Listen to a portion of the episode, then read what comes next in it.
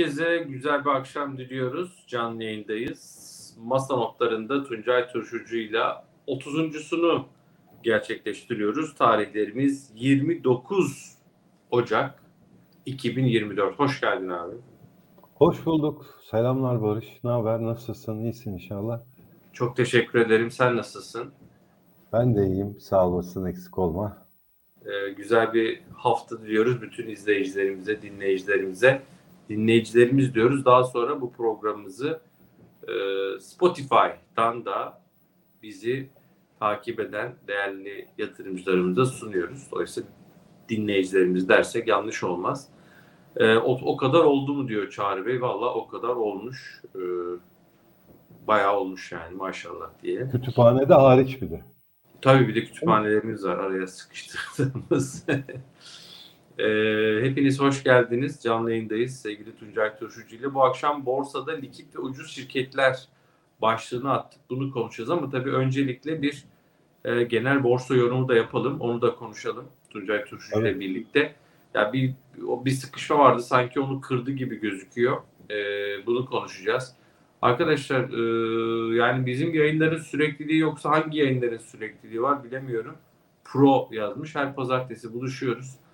E, maçın evet ikinci yarısı orada dururken moderasyon sıkıntı diyorlar. Galatasaray evde 1-0 yeniliyormuş. E, Valla bilemiyorum.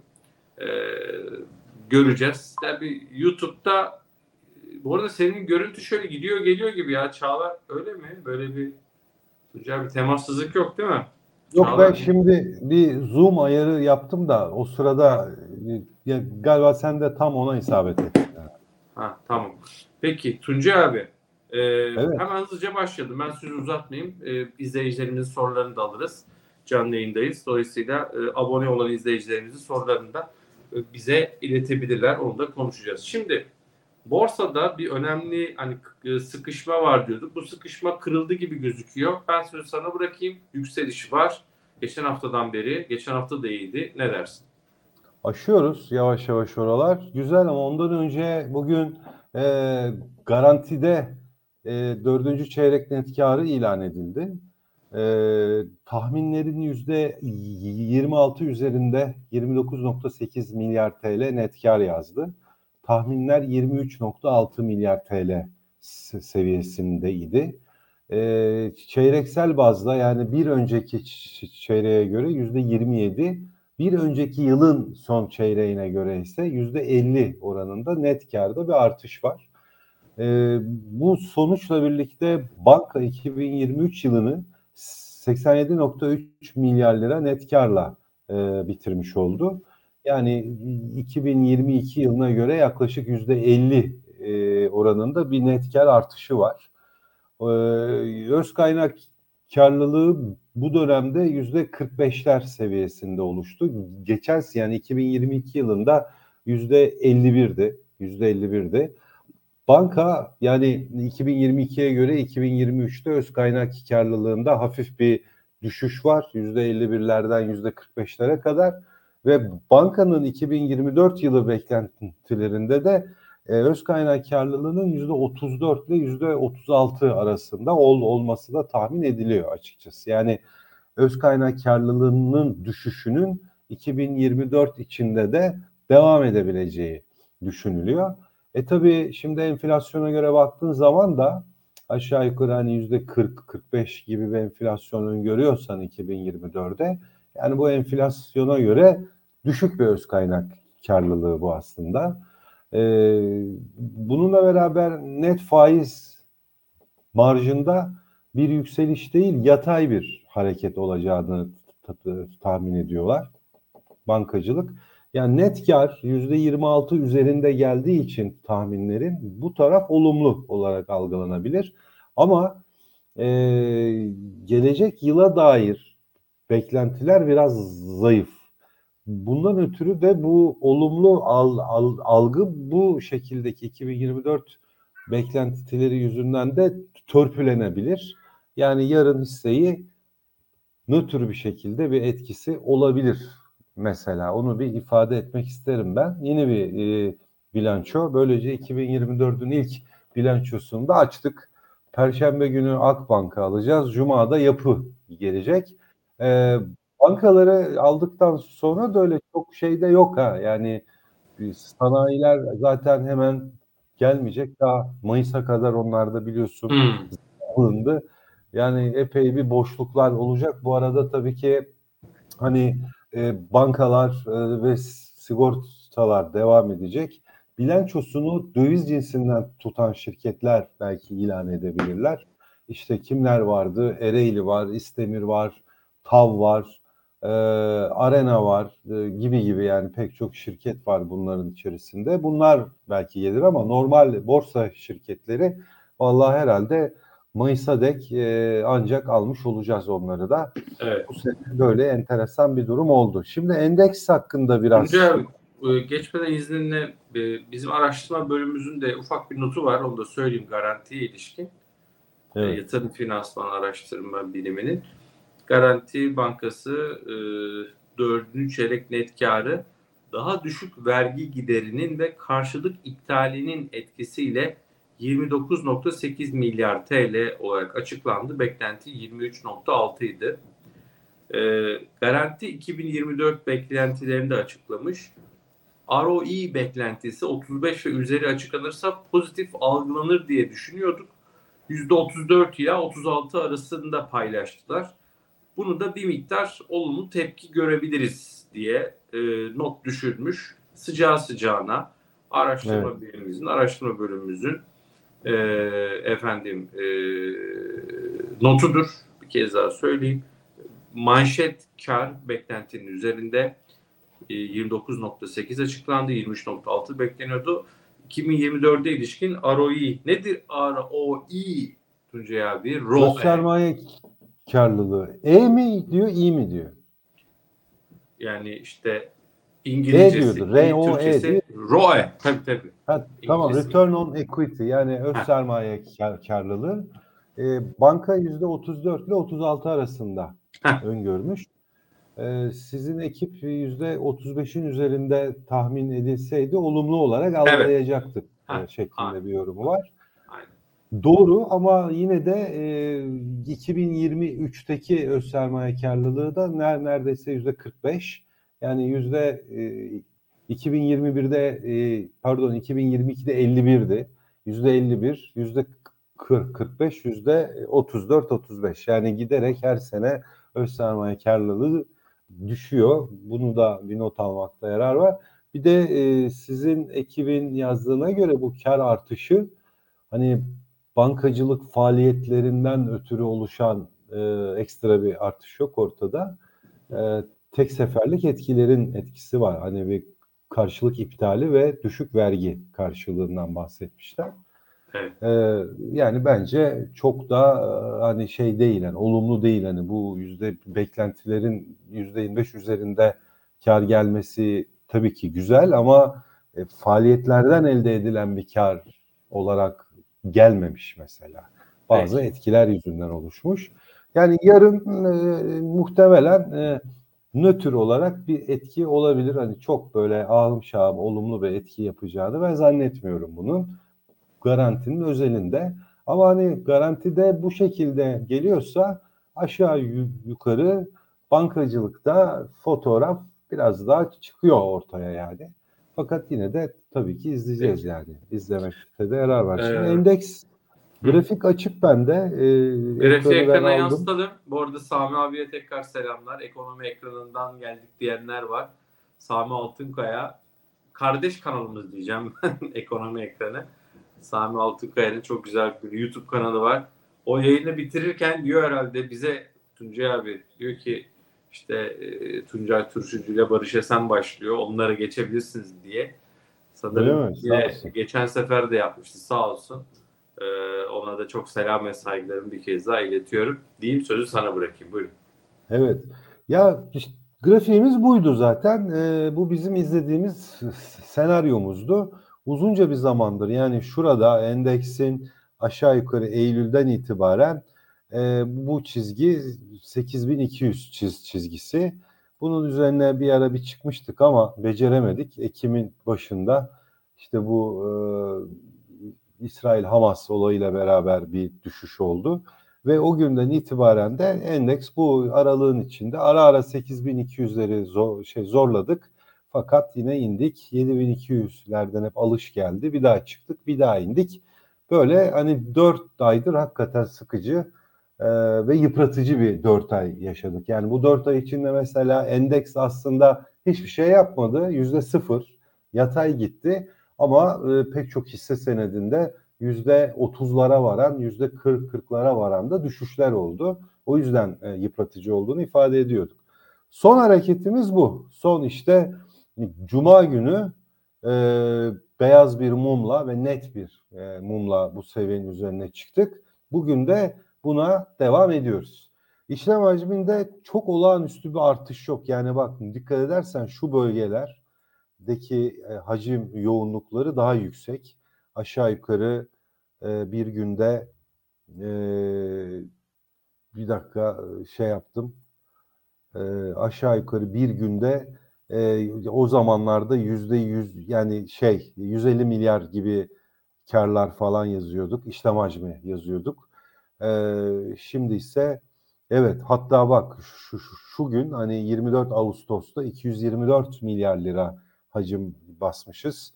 Öteki günlerde de 133, 148, 174 milyar gibi hacimler var. Okuyorum ben buradan da o yüzden belki ekranda çok şey ufaktır. O yüzden göremiyorlar. Şu şu anda mesela daha işlem hacmimiz yeni 115 milyar lira. Artış olması olumlu ama hani yeterli bir şey değil hala artış değil. Şimdi grafik bu çıktık yukarıya. Bu bence tabii ki olumlu bir şey. Yani 4 aydır süren yatay seyri yukarı doğru kırdık mı? E, görüntü bu. Kırdık gibi duruyor. Biz tabii istiyoruz ki bunun üzerine de yerleşelim. Şuradaki gibi mesela burada da iyi çıkmıştı ama e, sonrasında talihsiz bir haberle maalesef aşağı doğru inmişti. Şimdi şurasını elbette ki bir direnç yapacak. Yani 8550 seviyesi bir direnç yapacak. Burayı izleyeceğiz. Ee, ama ben bununla ilgilenmiyorum çok fazla. Ben 8550'nin üzerine çıkar mıyız, çıkmaz mıyız? Yani çıkarsak çok iyi olur elbette ki. Önümüz tamamen açılmış olur. Ee, çıkamasak bile aşağıya bir realizasyon gelme imkanı var, olabilir. Ve bu şey normaldir. Realizasyon geldiği zaman 8200'ün üzerinde burada endeksin tutunması lazım bunun üzerinde kalması lazım. Yani oralardan artık alışların yeniden gelmesi lazım. 8200'ün üzerine yerleşirse az önceki o 8550 bile e, hiçbir engel falan olmaz. Çok rahat bir şekilde onun üzerine yani yükselir. Yükselirsek ne olur? Gidersek 9500'e kadar hani simetrik bir hedef. 9500'e kadar yeni bir teknik e, anlamda bir hedefimiz oluşmuş olur. Yani e, açıkçası o. Şu anda kırdı e, olarak hani yaklaşmak mümkün ama yani ben mesela en az hani bir iki gün daha hatta bu haftayı da bir görmekten yanayım. Ama hani 8200'ün üzerine çıktık diye ilave alımlar yapılabilir mi? Yapılır. Bence mutlaka yapılır.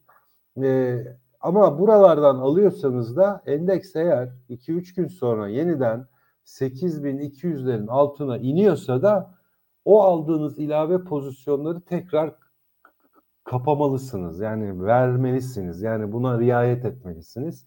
Etmezseniz ve endeks 8200'ün altına inerse ciddi anlamda bir, bir zarar oluşabilir. Hisse bazlı hareketler daha fazla oluşuyor, oluyor. Ee, hani biz hep buradan pek çok yayınlarımızda hep şunu hep ifade ettik. Yani endeks yatayda gidiyor ama hissenize sahip olun.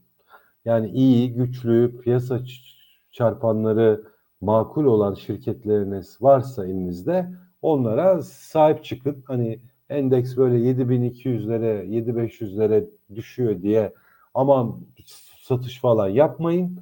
Buralarda daha sakin olunmasını hep biliyorsun öneriyorduk. Nitekim işte geldi, o gün geldi ve şimdi artık endeksin 8200'ün e, üzerine çıktığı günler başladı. Hayırlı uğurlu olsun. 8200'ün altına düşmedikçe bu endeksin gideceği yer 9400'ler, 9500'lerdir. Ben Şubat ayının e, oldukça yani çok büyük olağanüstü, çok olumsuz haberler olmadığı müddetçe e, Şubat ayının endeks açısından hani iyi bir yukarı bir hareket yapabileceği bir ay olacağını tahmin ediyorum. 9400 9500 mü? Evet. Peki. Evet. Şunu sorayım. Yani bu sadece ama birinci bir hedef. Yani benim Tamam. şahsen 2024 sonu için sonu için tahmin ettiğim yerler 11 bin 12 bin endeksler yani. Oralara Tamam. doğru şey yapalım. Tuncay şunu adım. bir yanıtlayalım. Diyor Tabii. ki Tuncay Hocam endeksin yukarı yönelik hikayesi de hacim yok, yabancı sermaye yok vesaire. Neden artış görüyoruz? Kalıcı? Yani şunu diyenler var. Kardeşim ne oldu da yukarı gidiyor? Hani temel olarak hiçbir şey yok diyenler var. Hiçbir şey Şimdi yok şunlar- mu? Haber akışı var mı? Ya haber akışı bir kere var. Birincisi m- Merkez Bankası'nın faiz arttırımları artık bitti. Şimdi geçen hafta bunu resmi olarak yazıldı. Yani e, faiz arttırımları artık olmayacak. Tamam mı? İkincisi şu son bir aydır e, mevduatlarda bir düşüş oldu mevduat faizinde. Bu da tabii ki endeksi faiz açısından bir ikinci bir soluk daha getirdi. Üçüncüsü e, Amerika ile ilişkiler biraz da orada bir açılım oldu. İsveç'in NATO e, üyeliğine oylaması ve F-16'ların e, sanki yani oluyor gibi olması. Hı hı. Bu da çok önemli bir şey. Yani ABD ile ilişkiler açısından olumlu olarak algılanır. Bu ki hani tarihte çoktur. Yani e, piyasalardaki hareket e, sadece yurt yurt içindeki makroekonomik hareketlerle de bağlı değildir. Yani yurt dışı ilişkilerin de iyi olması da önemlidir. İşte 2018'de yaşadık bunun Ay, zıttını yani yaşadık. Ee, bunun bir de olumlusunu da mesela e, 2005'te 2006'da falan yaşadık. Yani Avrupa Birliği ile ilişkiler orada çok çok iyi bir ilişkiler oluştu. Çok güzel haberler oluştu. Bunların etkileri var. Yani o yüzden yurt dışı ilişkiler her zaman önemlidir. Şimdi burada bir açılım oldu. Merkezden faiz indirimini artık faiz arttırımını ben artık bitirdim mesajı oldu. Ee, yurt dışında e, e, faiz indirimleri görüşülüyor. Yani gelişen ülkelere yönelik de ılımlı bir hava oluşuyor, esiyor. Bunlarla beraber endeks e, yükseliyor. Bir de şunu söyleyeyim yani e, 4 aydır endeks yatay ve 4, 4 ayda toplasan herhalde bir yüzde 20-30 kadar bir enflasyon oldu zaten. Yani bir kere o enflasyonun şirketlerin bilançolarına etkilerini göreceğiz, yaşayacağız. Cirolarına. Hani zaten enflasyonla beraber bir yukarı doğru bir itekleme oluşabilir. Ve son olarak az önce dediğim gibi mevduat faizleri artık hani tatmin edici düzeylerde değil. Belki şunu Evet. da bekleyebiliriz. Ee, Merkez Bankası Başkanı Hafize Gaye Erkan'la ilgili bayağı bir haber oldu. Ha, Acaba e, değişir hani- mi, görevden alınır mı diye Cumhurbaşkanı sahip çıktı. Yani ben Netleşti. Yani arkasındayım evet. dedi. Ha? Netleşti yani. Yani o durum e, netleşti değil mi? Yani o Evet, konuda evet. bir belirsizlik vardı. E, bir netlik kazanmış oldu. Kapatıldı zaten üstü de. Şu Aynen. anda hiç hepsi hiçbir şeyden bahsetmiyor. Önemli olan Merkez Bankası'nın işleyişi. İşleyiş sü- sürecinde bir sıkıntı var mı? Ve bir de Mehmet Şimşek. Yani bence en önemli isim o. Şu Evet. da oldu diyor. Bu 4 aylıkta hisseler %20-30-40 geri geldi. Bunu söyledi zaten değil mi? Tabii söyledim hatta bununla il- ilgili bir şey daha söyleyeyim. Ee, Ha. bu hisselerin geri gelmesiyle beraber yukarı doğru he- hedef fiyatlarda kazandırma potansiyelleri mevduatın üzerine çıktı bu arada. Hmm. Şimdi bak önemli bir olay oldu burada. Yani şimdi e, Ford d- 900 liradayken e, hedefi de aşağı yukarı işte 1000 liralar falandı. Şimdi 900 liradan 750'lere falan düşünce hem orada bir marş oluştu, yukarı daha bir ucuzlama oldu. Hem de bunların hedefi yukarı doğru revize edildi. Yani eskiden 1000 TL, 1100 TL olan Ford için yani bir örnek veriyorum ben sadece. E, hedef fiyatlar 1000 1100'lerden 1300'lere falan revize edildi. Oradan da bir de bir alan alı açıldı. Bir baktık e, hisse senetlerinde bir şey e, cazibe e, oluştu elbette. Bunların da tabii ki etkileri var. Peki.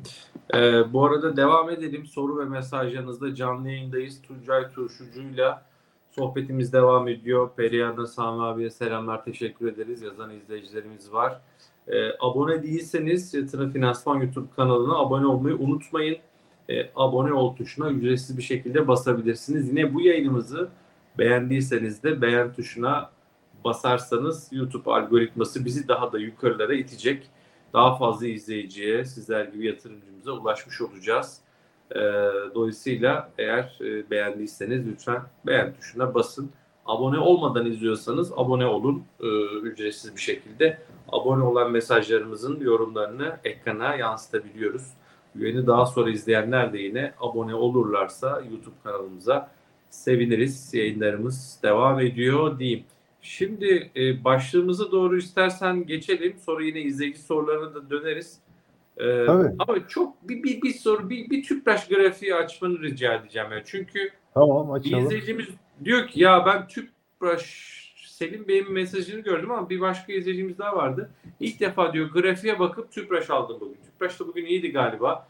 Ha böyle bir grafiksel bir şey mi var? Bir düşeni mi kırdı? Bir şey mi? oldu? Ne oldu? Yani belki onu merak ettim. Bir, iki bir de Türk Hava Yolları endekste bugün sen e, hani o ikisi bayağı Yani bir bu- bugün onu da evet tabii şimdi endeks bugün 125 puan yükseldi ama bunun 61 puanı e, pardon 51 puanı Türk Hava Yolları ve TÜPRAŞ'tan geldi. Hı. Aselsan'ı da eklersek 61 puanı 3 his, yani 3 tane hisseden geldi. Yani ben aslında biraz daha homojen bir e, dağılım olmasını isterdim. Yani e, mesela bu şu, şu, şu demek. Yarın e, Türk Hava Yolları ve TÜPRAŞ düşerse endeksi bu sefer daha fazla etkileyecek aşağı doğru. Yani daha böyle her herkesin katkısının olduğu daha güçlü bir yükseliş, genele daha fazla böyle yayılan bir yükseliş olmasını isterdim. O yüzden işte yani bir birkaç gün daha bir e, izlemekte e, bence yarar var. Tam 8200'ün üzerine yerleştiğini görmek için ama ana retorik o yönde yalnız. Yani ana eğilim e, ben diyor gideceğim diyor. Yani ana eğilim o tarafta. Onu da ifade edeyim. Çünkü sadece Türk Hava Yolları ve Tüpraş değil. Hani Traktör, Ford, Koç, Sabancı e, gibi endeks üzerinde ağırlığı olan hisselerde de e, yukarı doğru oluşumlar var. Yeni böyle al sinyalleri var o yüzden. Tüp tüpraşım açık bende. Hemen Tamam, bakalım. Bu bakalım. Tüpraş, yani FK olarak da firma değeri Favök olarak da çok şey ucuz bir hisse senedi. Yani bence Tüpraş ucuz bir kağıt zaten ucuz bir şirket. Şimdi e, aslında bak bu bu dört ayda en çok hani böyle yatayda duran şirket Tüpraş olmuş. Yatırımcısını hani çok fazla üzmemiş aslında. E, göstergeler aslında çok yatay. Yani şunu örteyim. E, şuradaki e, MACD de çok yataymış. Yeni yeni sıfırın üzerine çıkıyor. Hisse bu arada 50 günlük ortalamanın üstüne çıkmış. Ama mesela ortalamaları da çok yatay henüz. Hani bu hareketler bir çıkıp yani bir yu- yukarı doğru bir akımın başlangıcı olduğunu söylemiyor. Yani birdenbire bir hararetlenmiş gibi sanki Hı. öyle biz okuyoruz. Yani kalıcı olmayabilir bak onu söyleyeyim. Biraz bir yukarı çıkış var. 159 seviyesi önemli bir nokta olabilir. Hatta şuraya şuraya kadar indireyim daha iyi olur. Tam yakalayamadım. Evet 158 seviyesi önemli bir direnç. 158'i eğer aşar ve üzerine yerleşirse işte o zaman e, çok ciddi bir yukarı bir hareket olabilir. Yani yukarı yön o zaman daha da güç güç güçlenebilir.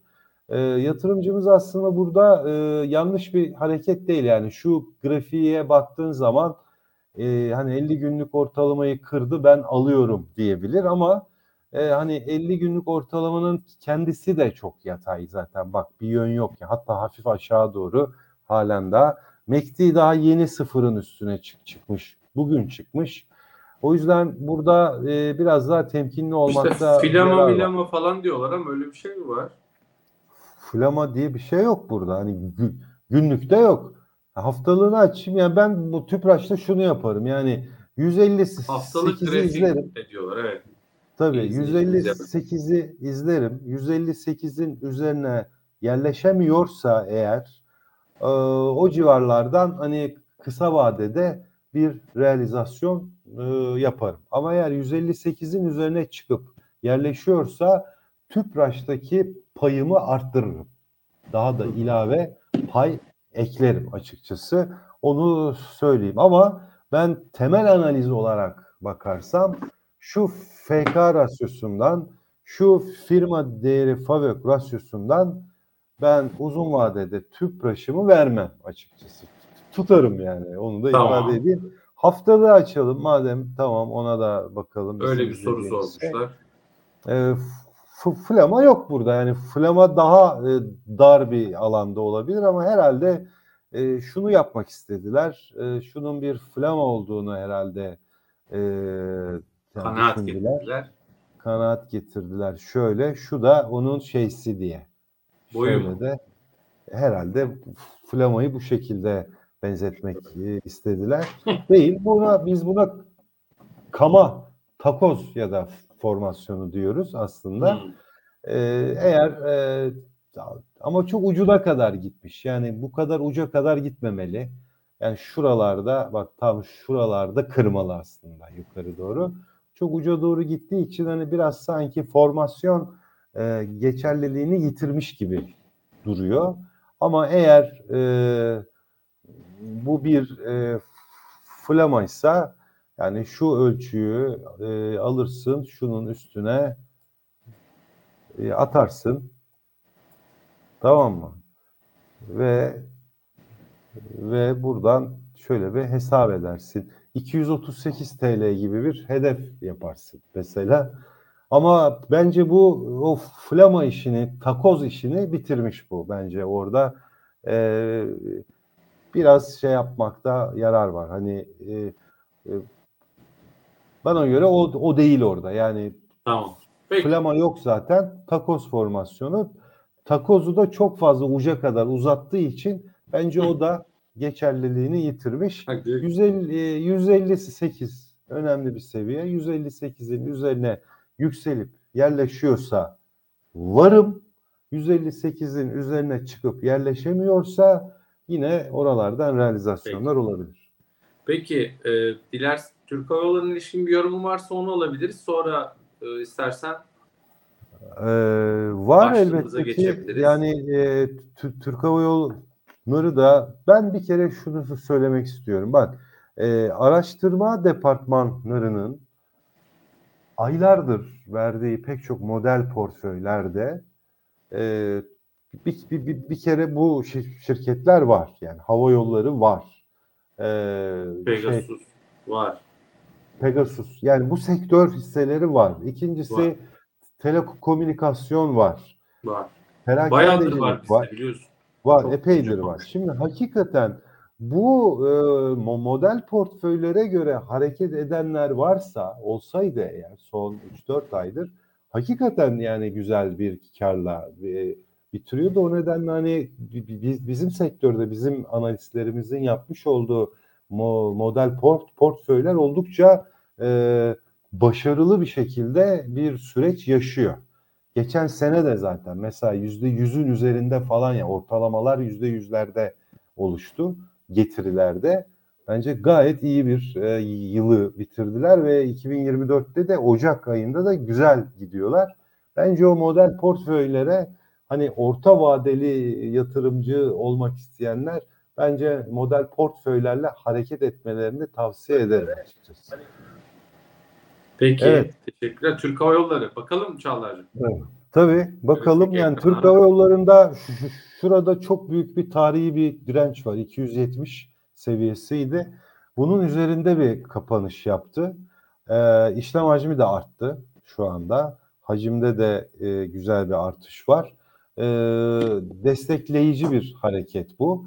Ee, ama tabii daha ilk gün. Henüz ilk gün. 270'in üzerinde hareketler e, tu- tutunursa, devam ederse Hava yolları kendi hedefi olan tam şu anda hedefleri hatırlamıyorum ama herhalde bir 350 lirayla 400 TL'ler arasında falan hedefler var. Ee, oralara dek e, yükselişler yapabilir yani açıkçası. Hava yolunda e, THY FK rasyosu ne kadardı? Bakın FK rasyosu 4,82. E, piyasa değeri defter değeri de 1.10.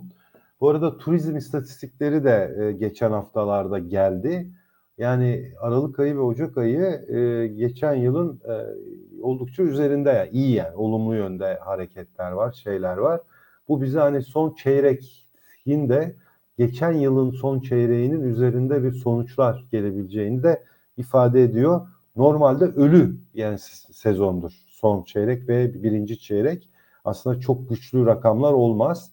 Ama yine de e, hani zayıf sezonların içerisindeki en iyi karları falan yazacaklar gibi bir algı da var. O yüzden de gayet güzel. Zaten çok da şey ucuz yani bak defter değerinin 1.10 üstünde işlem görüyor. Yani e, hiçbir şey değil aslında. Gayet uygun da bir fiyatı var. E, ama teknik anlamda da önemli bir yeri aşıyor. E, 270 çok önemli. Hani e, bir 270'in üzerine tam olarak yerleştiğini bir görmekte de yarar var. E, haftalıkta da öyle. Mesela haftalıkta da aynı yerler, aynı şeyler.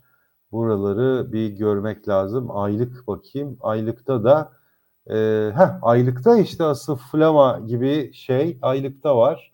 E, şurasını da yapabilirsin şöyle mesela. Ve şuradan da bir flama indirirsin. Bu, bu, bu mesela e, benzer yani. Bu şekilde bir şey yapabilirsin. Bu tabii bir aylık yani bundaki her bir çubuk, her bir bar bir ayı ifade ediyor. Yani bunun üstü hakikaten çok e, kritik bir yerde yalnız ha. Barış. Yani hakikaten yani 270'lerin üzerine tam anlamıyla yerleşen bir hava yolları evet. e, işte 110 120, 260, 140 puan 400 liralara doğru yol açılabilir ve bu tabii endeksi de e, götürecek yani. Bir de mesela öyle de yaklaşmak lazım. O yüzden yani yarın ve öbür günkü hareketleri bence şey e, önemli, önemli.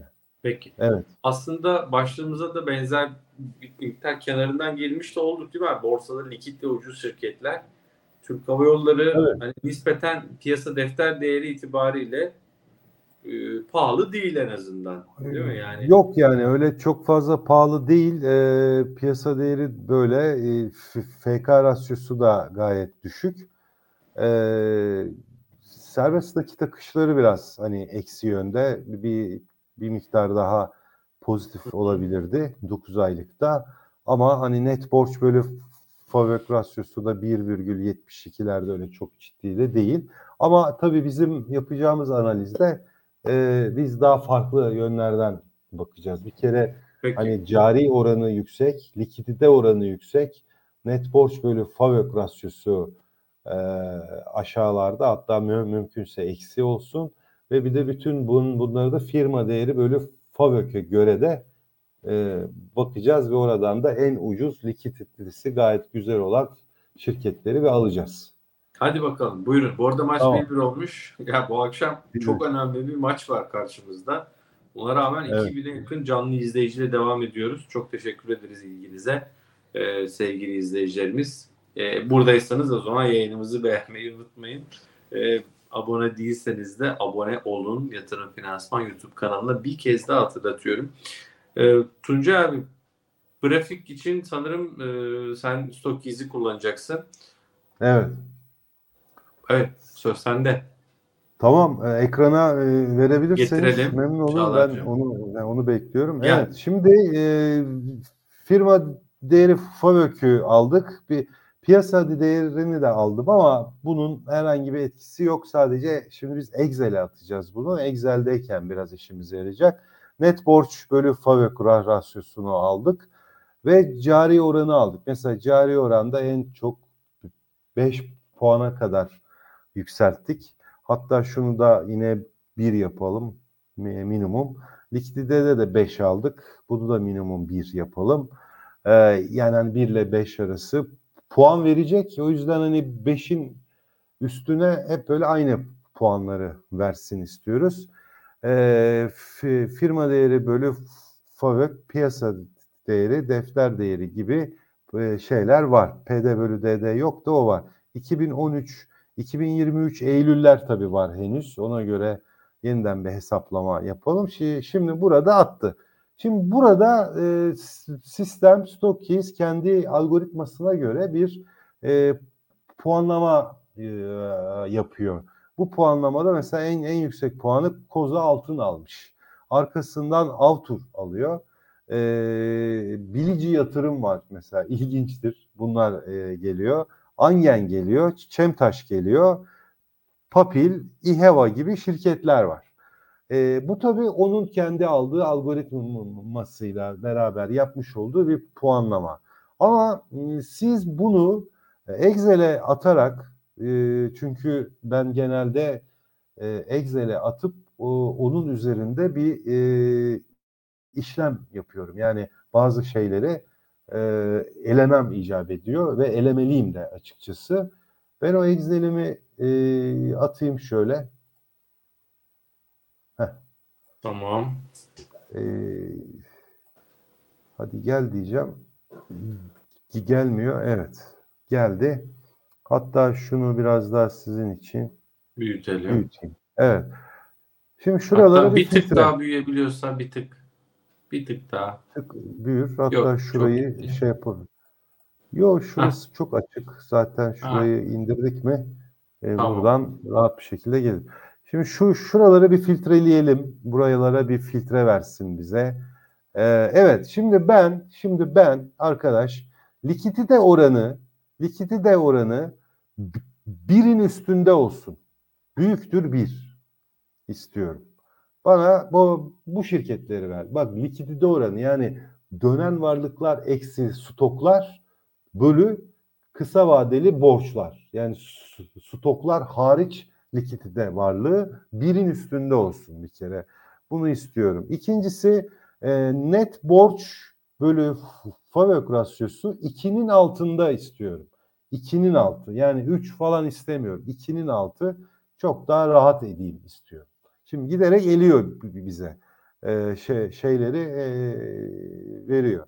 Hatta şurada firma değeri FAVÖK rasyosunda da onun altında olanları istiyorum. Onun üstünü istemiyorum. Yani bu bir FK rasyosudur ve ben yine de mm, 10 puanın altında olan şirketleri buradan istiyorum.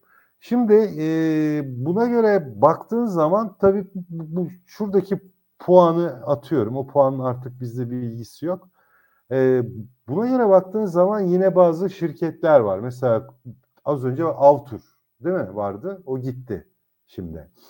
E, İHEVA vardı. Bak o var hala enteresan bir şekilde. E, bilici yatırım falan da var. Bunun gibi şirketler var. Ama ben istiyorum ki küçük şirket olmasın arkadaş. Yani ufak e, ufacık şirketler e, olmasın. O yüzden Büyüklere piyasa e, piyasa değeri 5 milyar TL'nin üstünde olan şirketler istiyorum. Bayağı bir gider ama. Bari 4 Üç. yap. 3. 4 4 mü 4 yap yapayım? 4. Peki, Abi yapayım 5. hadi. Çünkü önemli Dört, dörtler iki, var üç, burada. iki, Afyon üç, falan iki, var. üç. Tamam onları yapayım. Onları da atınca Heh. şimdi geriye e, işte bu kadarlık bir şirket kaldı. Bu bütün şirketler elendi. Geriye bu kadarlık bir şirket kaldı. Ve ben bunu firma değeri bölü FAVÖK rasyosuna göre küçükten büyüğe de sıralatmak e, istiyorum. Yani e, küçükten büyüğe bize sıralasın ve versin. Ha, şimdi birinci şirket kim çıktı? Doğuş Otomotiv geldi. E, cari oranı 1.80 gayet güzel yüksek. Likidite oranı birin üstü istediğimiz gibi 1.09. E, f- firma değeri bölü FAVÖK rasyosu e, 2.8. Piyasa değeri 57 milyar ve net borç bölü FAVÖK eksi de var. Yani cash var bu firmada. nakit var. Nakit vaziyette. En altta aşağısında koza altın geldi. Onun mesela net borç bölü fabrik rasyosu çok daha ekside. Yani onun çok daha fazla bir nakdi var. Ee, ve likidite oranları falan inanılmaz yüksek. Yani cari oran 6. Ee, yani epey bir cash şu anda e, şirket onu da söyleyeyim. Turkcell var. Aras Elektrik yani Doğu Aras Enerji bunun adı. E, Tuborg geliyor ki Tuborg yalnız benim bildiğimle ana pazarda değil hani çok az bir iş şeysi var. Bu, bu çim geliyor. Natural gaz, Tofaş Fabrika, Çemtaş, Afyon, Yunsa, Alkim böyle böyle iniyor bu liste. Bak şişe cam var falan. Ama hani şuradan itibaren artık e, en son şirket mesela Cante e, gelmiş enerji 9.8'lik bir FAVÖK şeyi var. Yani firma değeri böyle FAVÖK rasyosu var. Ee, yani bu kadarı artık yani tercih edilir mi? Biraz daha yukarılardan yani daha ucuz olan piyasa değeri defterde pardon firma değeri FAVÖK olanlara bakmakta yarar var. Şimdi burada bir şey söylemek istiyorum. Bir, biz burada sadece likidite açısından şirketleri eledik. Hı hı. Yani mesela şu şuradaki şirketin mesela Doğuş Otomotiv'in karlılığı iyi mi? Bilmiyoruz. Net hı. karı, cirosu geçen yıla göre artıyor mu? Artmış mı? Büyüyor mu? Bilmiyoruz bunları. Kar marjları artıyor mu? Bilmiyoruz. Biz burada sadece likidite açısından olayı inceliyoruz. O kadar. Buradan işte, işte bir havuz e, yaratıyoruz. Arkadaş ben likit, likit yönden rahat şirketleri ve aynı zamanda da e, piyasa çarpanı olarak da ucuz olan şirketleri görmek istiyorum. Nokta. Peki neden bunu görmek istiyorum? Şunun için. Şu anda faizler çok yüksek. E, yani ticari işletmeler gidip de kredi mesela işletme sermayeleri ihtiyaçlarından ötürü bankalardan sürekli gidip e, spot kredi falan çekenler var, alanlar var. Mecburen yani işletme sermayesi için krediyle e, kısa vadeli borçlananlar var. Yüzde 48'lerden, yüzde 50'lerden bahsediyorum. Çok ciddi faiz ödeyecekler. Dolayısıyla bu şirketler iş iş yani e, operasyonel faaliyetleri ne kadar iyi olursa olsun esas faaliyet karları artıyor olsa bile bu sene çok yüksek finansman giderleri ödeyebilirler ve o faaliyet karları finansman giderleri yüzünden uçabilir. Uçabilir, azalabilir. Yani sen çok güzel faaliyet karı yazarsın ama çok borç kullandığın için çok yüksek bir faiz gideriyle faaliyet karının büyük bir kısmı uçar. Faize gider, uçar, hiçbir şey kalmaz elinde. Şimdi bunu da, da ben yani istemiyorum arkadaş. Ben yani 2024 yılında nakit yönden güçlü, e, finansman gideri yazmayan ve yazmasında yazacaksa da çok az yazsın. Benim faaliyet karımı etkilemeyecek olan şirketlere bakmak istiyorum diyoruz. Amacımız bu. O yüzden de bunu yapıyoruz. Likidite analizi. Ama tekrar ediyorum. Bu demek bu firmaların net karları çok iyi artıyor. Bu firmalar bu sene çok iyi büyüdü. Bu firmaların kar marjları arttı demek değildir. Biz sadece bir havuz burada yarattık. Bu havuzdan tek tek nakış yapar gibi tek tek baka baka gideceksin aslında. Mesela Doğuş Otomotiv. Doğuş Otomotiv'i açalım istersen. Şuradan e, hisse analizi.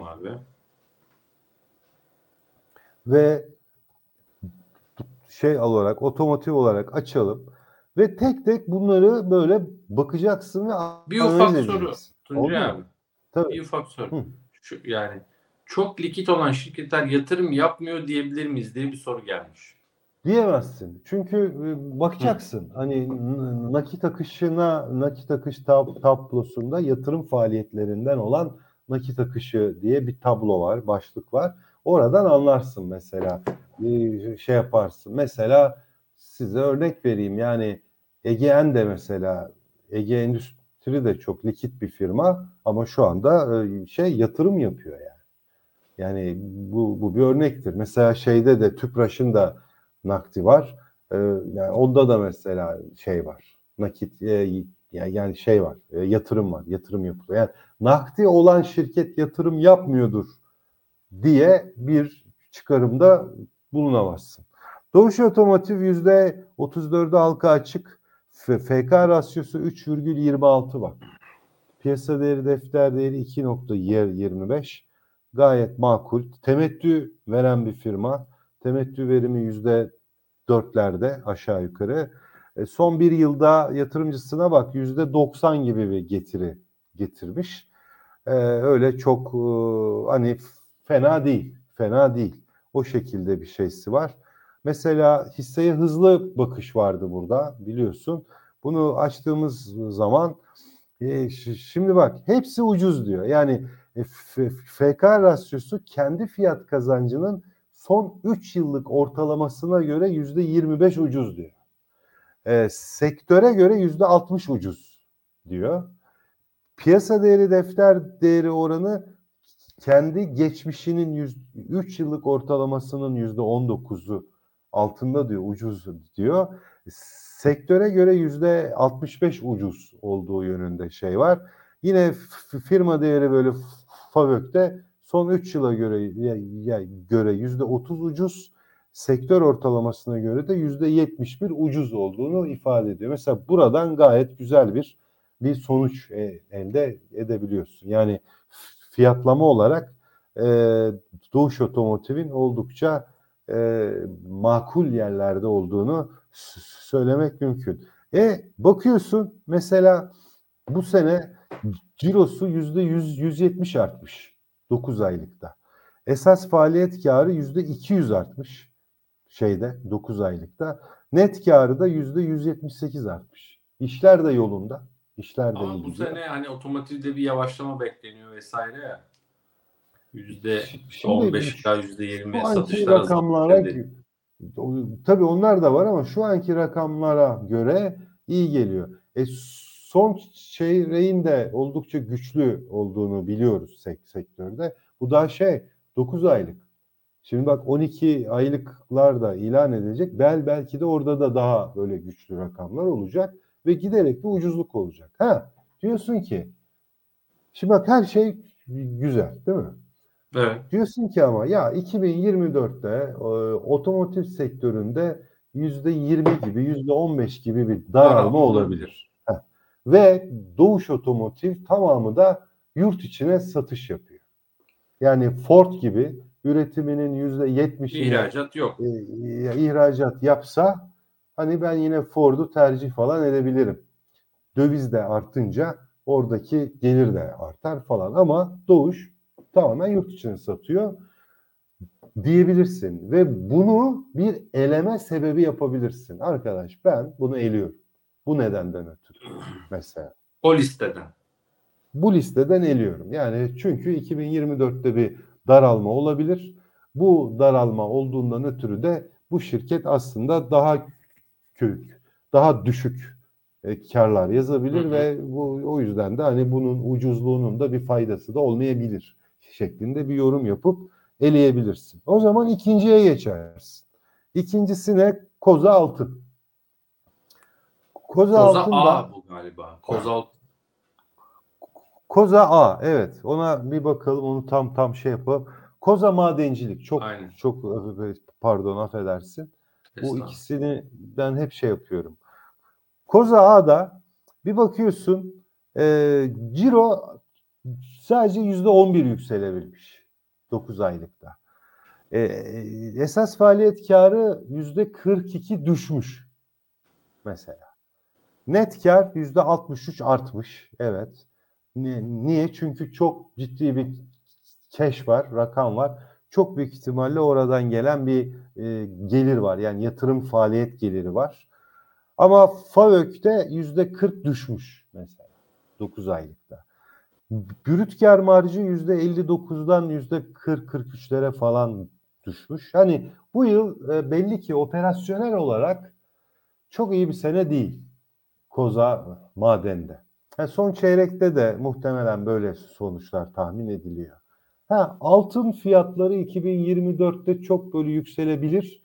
Yükseleceği için de bu arada gol oldu Gol. galiba. Gol oldu galiba. Penaltı vardı solda. Sağdan soldan sesler geliyor o yüzden. Ee, ve hani Gol. altın fiyatı çok iyi olabilir deyip buna girebilirsin ama şu anki faaliyet operasyonel şeyleri, operasyonel gelişmeleri çok çok iyi yani değil. Yani sırf bunu yani alacaksan bunu sırf eee, sen söyle adını eee, kasasındaki 10 milyar TL parası olduğu için alacaksın. Hmm. O, bu da benim çok kafama yat diye yatan bir durum yani değil. Ha, bir tarafta e, yani aklının bir kenarında olabilir.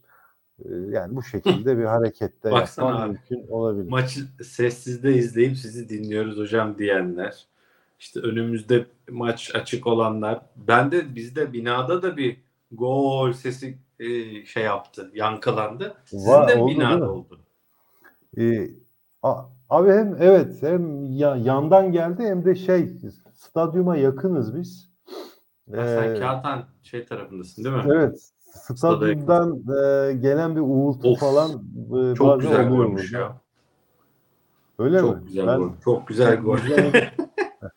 Vallahi güzel gol. Hakikaten. Mesela yani Turkcell mesela üçüncüsü. Yani Turkcell de örneğin şu anda pek çok ma- m- model Model portföyde portföyde var. olan bir şirket Ee, ve çok da önerilen bir firma.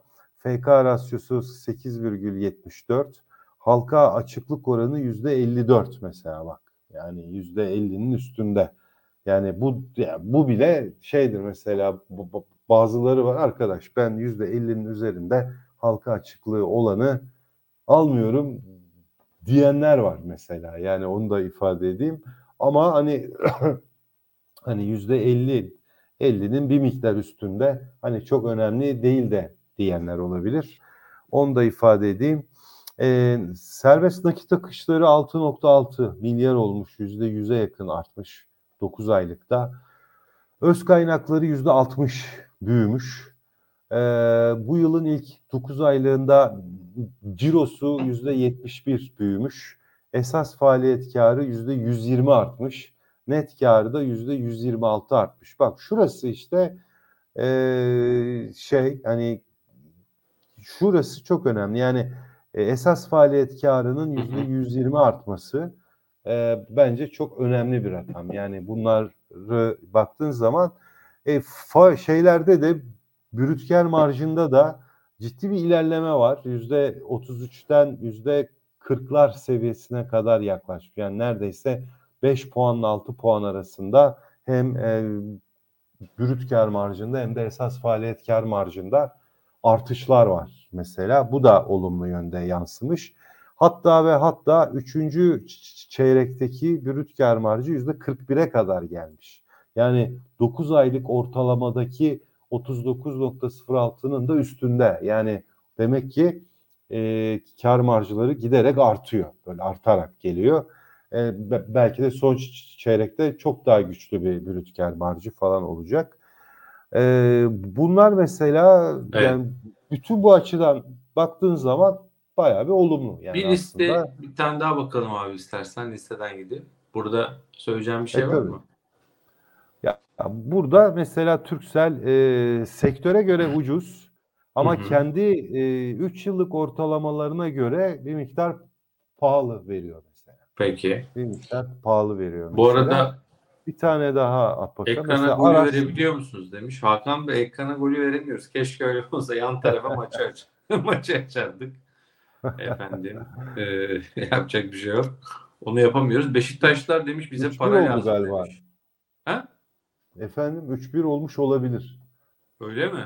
Bu arada 3-1 olmuş olabilir. evet. Icardi galiba gol attı. İzleyicilerimiz bir yandan maçı izliyor, bir yandan golleri söylüyorlar. Bir yandan bizi izliyorlar. Vallahi bu akşam çok önemli maçlar tabii üst üste. Ee, Çok önemli ya. Çok önemli. O yüzden hani e, Ha, 3-1 burada eş, e, eşlik edenlere hakikaten e, sevgiler, saygılar, hürmetler. Evet Bize abi. de Di- şey diğeri. E, diğeri de Doğu Aras mesela enerji vardı değil mi? Doğu Aras enerji. E, on, onda da mesela bak e, biz tamam değil mi orayı açtık. Yüzde on beşi halka e, açık halka açıklık oranı yüzde on beş bu arada. E, 250 milyon liralık bir ödenmiş sermayesi var. 455 milyon dolarlık bir şirket aslında hani şeyde değil az da değil açıkçası. E, FK rasyosu, piyasa değeri defter değeri rasyosu ve firma değeri FAVÖK rasyosu şu şuradaki tek bir şey haricinde bütün hepsi hem kendi ortalamasına göre hem de sektör ortalamalarına göre mesela ucuz. Yani buralarda ucuzluk var. Bu yönden mesela e, önemli bir e, etkileşim var burada. Aynı şekilde baktığın zaman e, cirosu bu sene tabii enerji şirketlerinde biraz fiyatlardan ötürü çok düşüş olduğu için cirolar çok artamadı. Ama hani cirosu yüzde 22 yükselmiş. Ee, esas faaliyet karı yüzde 147 yükselmiş. Hı hı. Bu çok enteresan. Net karı da yüzde 162 yükselmiş vaziyette. Ama burada çok inanılmaz bir şey var. Ee, neden bu olmuş? Hani cirosu yüzde yüzde 22 artarken esas faaliyet karı neden yüzde 147 artıyor? O, o sorunun yanıtı da burada saklı. Brüt kar marjı %7'den %33'e yükseldi. Yani 25 puanlık bir e, brüt kar marjı artışı var. İnanılmaz bir şey. Bu artış da öyle ve üçüncü çeyrekteki son çeyrekteki kar marjı yüzde 42 olmuş. Yani 9 aylıktaki ortalamanın da çok üzerinde. Yani bu çekmiş zaten 9 Peki. aylık yukarı. Muh, muhtemelen son çeyrekte daha e, iyi bir kar marjı olabilir. Mesela bu yani hemen bir sırıtıyor değil mi? Çok enteresan bir şekilde. Bakacaksınız tabii yani kimlere e, e şey ait bunlar. E, Çalık Enerji'ye aitmiş 40 42.5. Kiler Holding'e ait %40. E, ziraat portföyün katılım serbest fonu var bak %5.36 çok ilginç. Yani ortaklığı da budur. Veya Aras mesela, Elektrik Dağıtım arkadaşlar hangi edisi? Evet. Doğu Aras Enerji. Doğu Aras, Doğu Aras enerji. enerji olarak Levent geçiyor. Bey. Dağıtım şirketi. Yani enerji evet. üretip satan bir firma değil. Dağıtım şirketi. Ee, onu da ifade etmek istiyoruz. Ee, Başka Şöyle sorular var. Küçükleri de gösterseniz diye. Bir de mesela listenin altından mı baksak? Nasıl yapsak abi? E, abi listenin altında da hani küçükler yok orada. E, yok mu? Yok bu şey, firma değeri böyle FAVÖK'e göre sıralı ama e,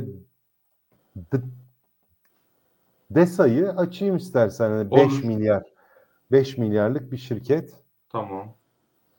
DESA iyi bir yerde, iyi bir sektörde e, hem ma- mağazacılık hem de üretim safhasında Hı. olan bir firma e, Türk Türkiye'deki üretim yerinin haricinde e, İtalya'da da bir fabrika açtı bu arada.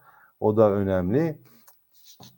Çelet Holding'in sahibi olduğu bir şirket.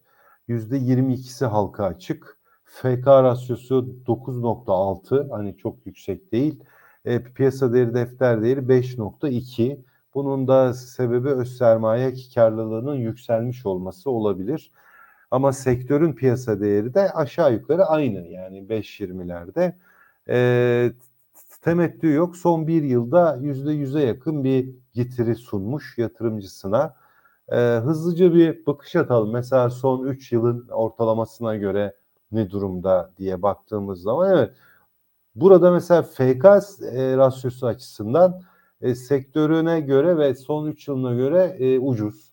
Ama hani yüzde altı ile yüzde on arasında bir ucuzluk var. Ama öteki iki rasyoya göre bir miktar pahalı ama pahalılık da e, yüzde yedi ile yüzde altı falan oranında bir pahalılık var. Yani sanki e, normal gibi yani normal ederindeymiş gibi bir havası var. Buradan ne ucuz ne de pahalı şeklinde bir sonuç çıkarmak mümkün değil. Öbür yandan Bakalım mesela cirosunu ne yapmış, ne etmiş. Net mesela şirket 606 milyon TL net cash'te, nakitte. Borç yok. O güzel. Hı hı. Cirosu %56 artmış. Hani çok yıllık enflasyonun üzerinde değil ama esas faaliyet karı %76 artmış. Net karda %143 artmış. Ee, ılımlı bir artış. Bir, bir tek net kardaki artış güzel. Çünkü burada da geçen yıla göre 158 milyon lira gibi bir finansman geliri yazmış. Mesela nakitte olmasının getirdiği bir avantaj örneğin bu da.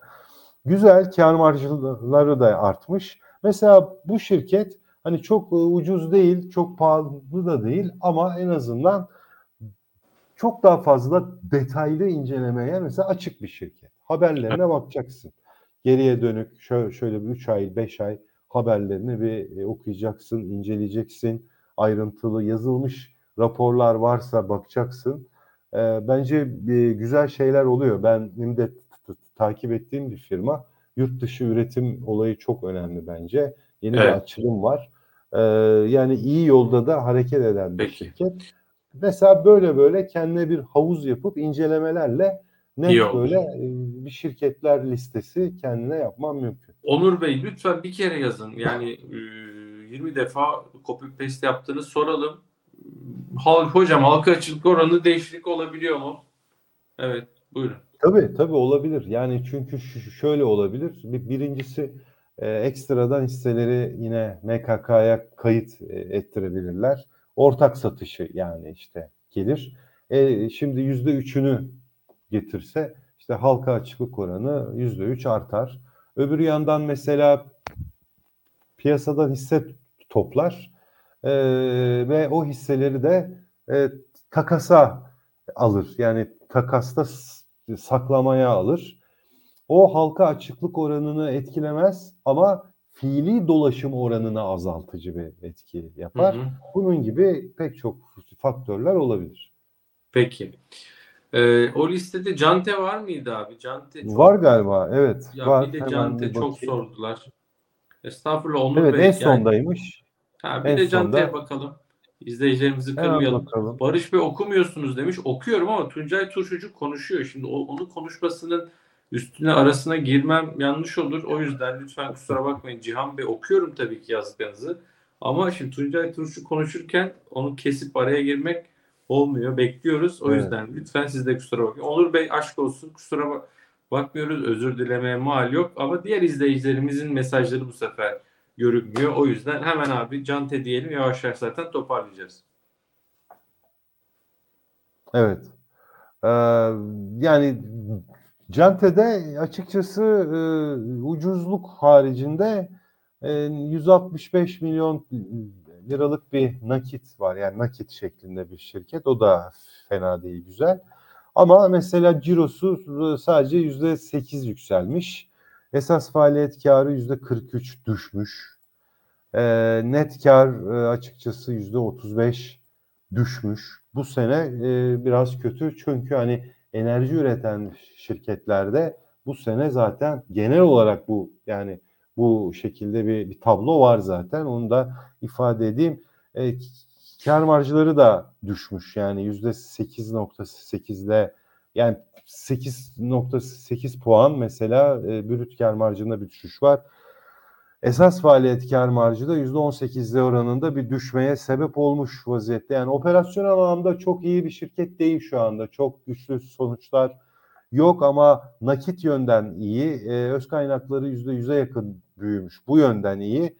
E, serbest nakit e, akışı e, geçen yılın altında ama tabii ki artı yönde. Bu yönlerden iyi ama hani operasyonel anlamda çok iyi bir sonuç yok ama e, fiyatlama olarak fena değil ama yine de bir bakalım. Evet bak burada son 3 yıllık kendi ortalamalarına göre ve sektör ortalamalarına göre yüzde 40 falan ortalamayla şurası 42, 45, 37, yüzde 40, yüzde 32. Şurada bir tek bir tane yüzde 8.9 ama hepsi yani ucuz. Hepsi ucuz. Bayağı ee, endekse o, göre grafiği var. Bayağı aşağıda kalmış değil mi? Şurada evet evet tabii. Yani şöyle diyeyim e, e, hepsi bak yüzden başlıyor. E, XU 100 şu şu dolar. dolar bu. Ee, yeşil olan endeks Cante'de bu. Aşağıda o apayrı bir gitmiş yani. 100 lira burada 37 TL'ye falan düşmüş son. Düşmüş. Of. Bunun bunun bir grafiğini açalım. Çok enteresan. Burada bu niye böyle? Aa, yani niyesi şu aslında yani bir kere karı yüzde 40 falan düşmüş zaten. Yani Hmm. esas faaliyet karı da yüzde 40 düşmüş. Oo, Şuymuş işte. orada Şubat bir olay olmuş. 2023. Ya şimdi bu şöyle bu e, enerji şirketleri 2022'de enerji fiyatları çok yükseldiği için 2021'e kıyasla inanılmaz karlar yazdılar. Orada enerji şirketlerinin hepsinde böyle bir rally yaşandı. Ama Of. bu ralliler bir yerde çok aşırı bir fiyatlamaya gitti. Su- su- su- Sonrasında tabii madalyonun öteki yanı olunca 2023'te enerji fiyatlarında düşüşler başlayıp kar karlılıklar da inince birdenbire şuradaki fiyatlamalar eee, pahalı ol- olmaya başladı ve gümbür gümbür aşağı doğru indi. Böyle şu, şu anda bu. Hani Evet, evet o- ucuz ama ben açıkçası bilançoda bir e, parlama olmadıkça e, çok fazla ellemem açıkçası. Çok fazla Arkadaşlar ellemem. Cem Taş'ı konuşuyoruz zaten Eyüp Bey. Cem Yok, Taş bu- lütfen. Ha Cante mi? Cante bu. pardon. Bu Bu. Cante. pardon, özür Cem taşı da açalım hemen. Buradan bir Cem taş yapalım. Pardon O, karıştırdım. yani o da vardı çünkü. E, o da var li, yani listede. Tamam. Ona da bakalım. Mesela orada da hani kendi ortalamalarına göre, 3 yıl ortalamalara göre e, FK rasyosu %3 pahalı. Ötekiler ama ucuz.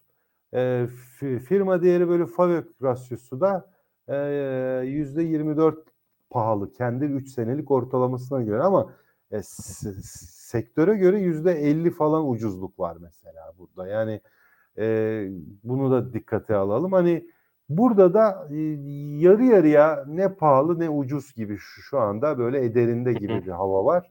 E, aşağıda şurada işte Çemtaş mavi renk, endekste turuncu renk, e, endeksin hep altında kalmış bir şekilde. Dövizin de zaten altında olmuş bir şirket. E, bu sene bunlarda da yine demir çelik sektörü maalesef çok güçlü değil. Mesela bak cirosu yüzde 12 arttı yıllık bazda. Çok az yani. Değil mi? Enflasyon oranına Kesin. baktığında hiçbir Tabii şey çok mi? az. Esas faaliyet karı %65 yüzde enflasyon. %27 düştü bir de bak. Esas faaliyet karı yüzde 27 aşağıda. Ee, net karı da yüzde 3 sadece artmış. Ee, kar marjları esas faaliyet kar marjı 11 puan düşmüş. Yüzde 30'dan yüzde 20'lere düşmüş mesela. Net kar marjı da e, o biraz arada kalmış çünkü arada bir kar yazıyor. Ee, bunun bir de Bursa Çimento'dan da ortaklığı da var diye ben biliyorum. Ee, ya da Bursa'nın Çemtaş'ta ortaklığı da var. Ee, yani yine net karı başka yerlerden gelen gelirlerle Evet. falan desteklemiş ama operasyonel anlamda çok iyi sonuçlar yok. Hani esas faaliyet karı yüzde 27 düşen bir hissenin e, yükselmesini ben çok fazla beklemem açıkçası. Yani ucuz bile olsa mutlaka bilançoda bir hareketlilik olacak yani. Olmazsa olmaz. Peki. Zaten o yüzden o listenin üzerine böyle detaylı bakmak lazım diyorsun. Bir. Mutlaka. Tabii, İki. tabii. Şimdi bir izleyicimiz Erdal Bey Tuncay Turşucu'nun önerdiği hisseler demiş. Hayır. Bu Tuncay Turşucu'nun önerdiği hisseler programı değil. Aman. Değil. Bu Evet. Borsada likit ve ucuz şirketleri çıkardık. Ama bununla bitmedi. O listenin tek tek böyle detayına bakmak gerektiğini anlattık. Hatta işte detayına bakınca dedik ya bu şöyle, bu böyle, bunun karlılığında bilmem şu var. Bunun işte aslında bu çok pahalı, bu çok ucuz. Üstüne ekstra bir yani o liste çıkarttıktan sonra bir analiz gerekti. Onu yapmaya çalıştık bu programda. Ee, dolayısıyla dilimiz döndüğünce diyelim. Umarım beğenmişsinizdir. Umarız hoşunuza gitmiştir. Tuncay Turşucu ile birlikte balık tutmaya dönük e, yayınlarımız devam edecek. Balık bu Evet. programda maalesef olmuyor. Zaman zaman olabiliyor. Aradan böyle hani oltayı çekmek lazım. Takılıyor ama hani genelde daha çok nasıl analiz edilir onu gerçekleştirmeye çalışıyoruz programda. Ee, inşallah da devam etmeyi e, istiyoruz. Çok teşekkür ederiz. Ee, şunu bir yanıtlayayım ben. Hasan Dindaroğlu ve Barış Bey yatırım finansman dolarla işlem yapabileceğiniz fon var mı? Var. Ee, Eurobond fonları var mesela Hasan Bey. Ee, bize ulaşırsanız DM'den, doğrudan mesajdan arkadaşlarımız size ulaşsın ve aktarsın dolarla e, işlem yapabileceğimiz fonları. Bu arada bilanço dönemindeyiz. Onu da hatırlatalım. E, FinTables üyeliğini bir ay boyunca yeni hesap açanlara iletiyoruz. E, yatırım finansmanda hesap açarsanız bilanço dönemini daha kolay analiz edebileceğiniz, rahatça analiz edebileceğiniz az önceki gibi işte programlar, benzer programlardan FinTables üyeliğini hediye ediyoruz bir ay boyunca kullanabilirsiniz ücretsiz bir şekilde bunu ifade edelim. Yine online bir şekilde hesap açılışınızı link var açıklama kısmında oradan gerçekleştirebilirsiniz diyeyim. Yayınımızı beğendiyseniz lütfen beğenmeyi unutmayın. Abone değilseniz de abone olmayı unutmayın. E, bu videoyu yayınlar mısınız diyor Musa Bey. Bu video YouTube kanalımızda kalıyor. YouTube kanalımıza aboneyseniz hemen zaten rahat bir şekilde e, izleyebilirsiniz. E, Yaşar Erdinç'in bayrağını taşıyorsunuz demiş. Eksik olmayın Tayfun Bey. E, sağ olsunlar. Allah rahmet eylesin bir kez daha Yaşar Allah Erdinç'e. rahmet eylesin. Ah, Tuncay abi çok teşekkürler. Vallahi ağzına sağlık. Sağ olasın eksik olma. Elimizden geleni yaptık. Yani bir e, eliminasyon yapmak iyidir. E, kendine bir havuz yaratmak iyidir. En azından çünkü 500'e yakın şirket var. Hepsiyle de tek tek uğraşamazsın. Bir şekilde ve eleyeceksin yani. O nedenle böyle bir taktiği iki yayındır yapıyoruz. E, gayet de fay, faydalı olduğunu da tahmin ediyorum. İnşallah öyledir. Çok teşekkür ederiz. Güzel bir akşam diliyorum. Çok sağ ol. Allah'a ısmarladık. İyi akşamlar herkese. Yatırım Finansman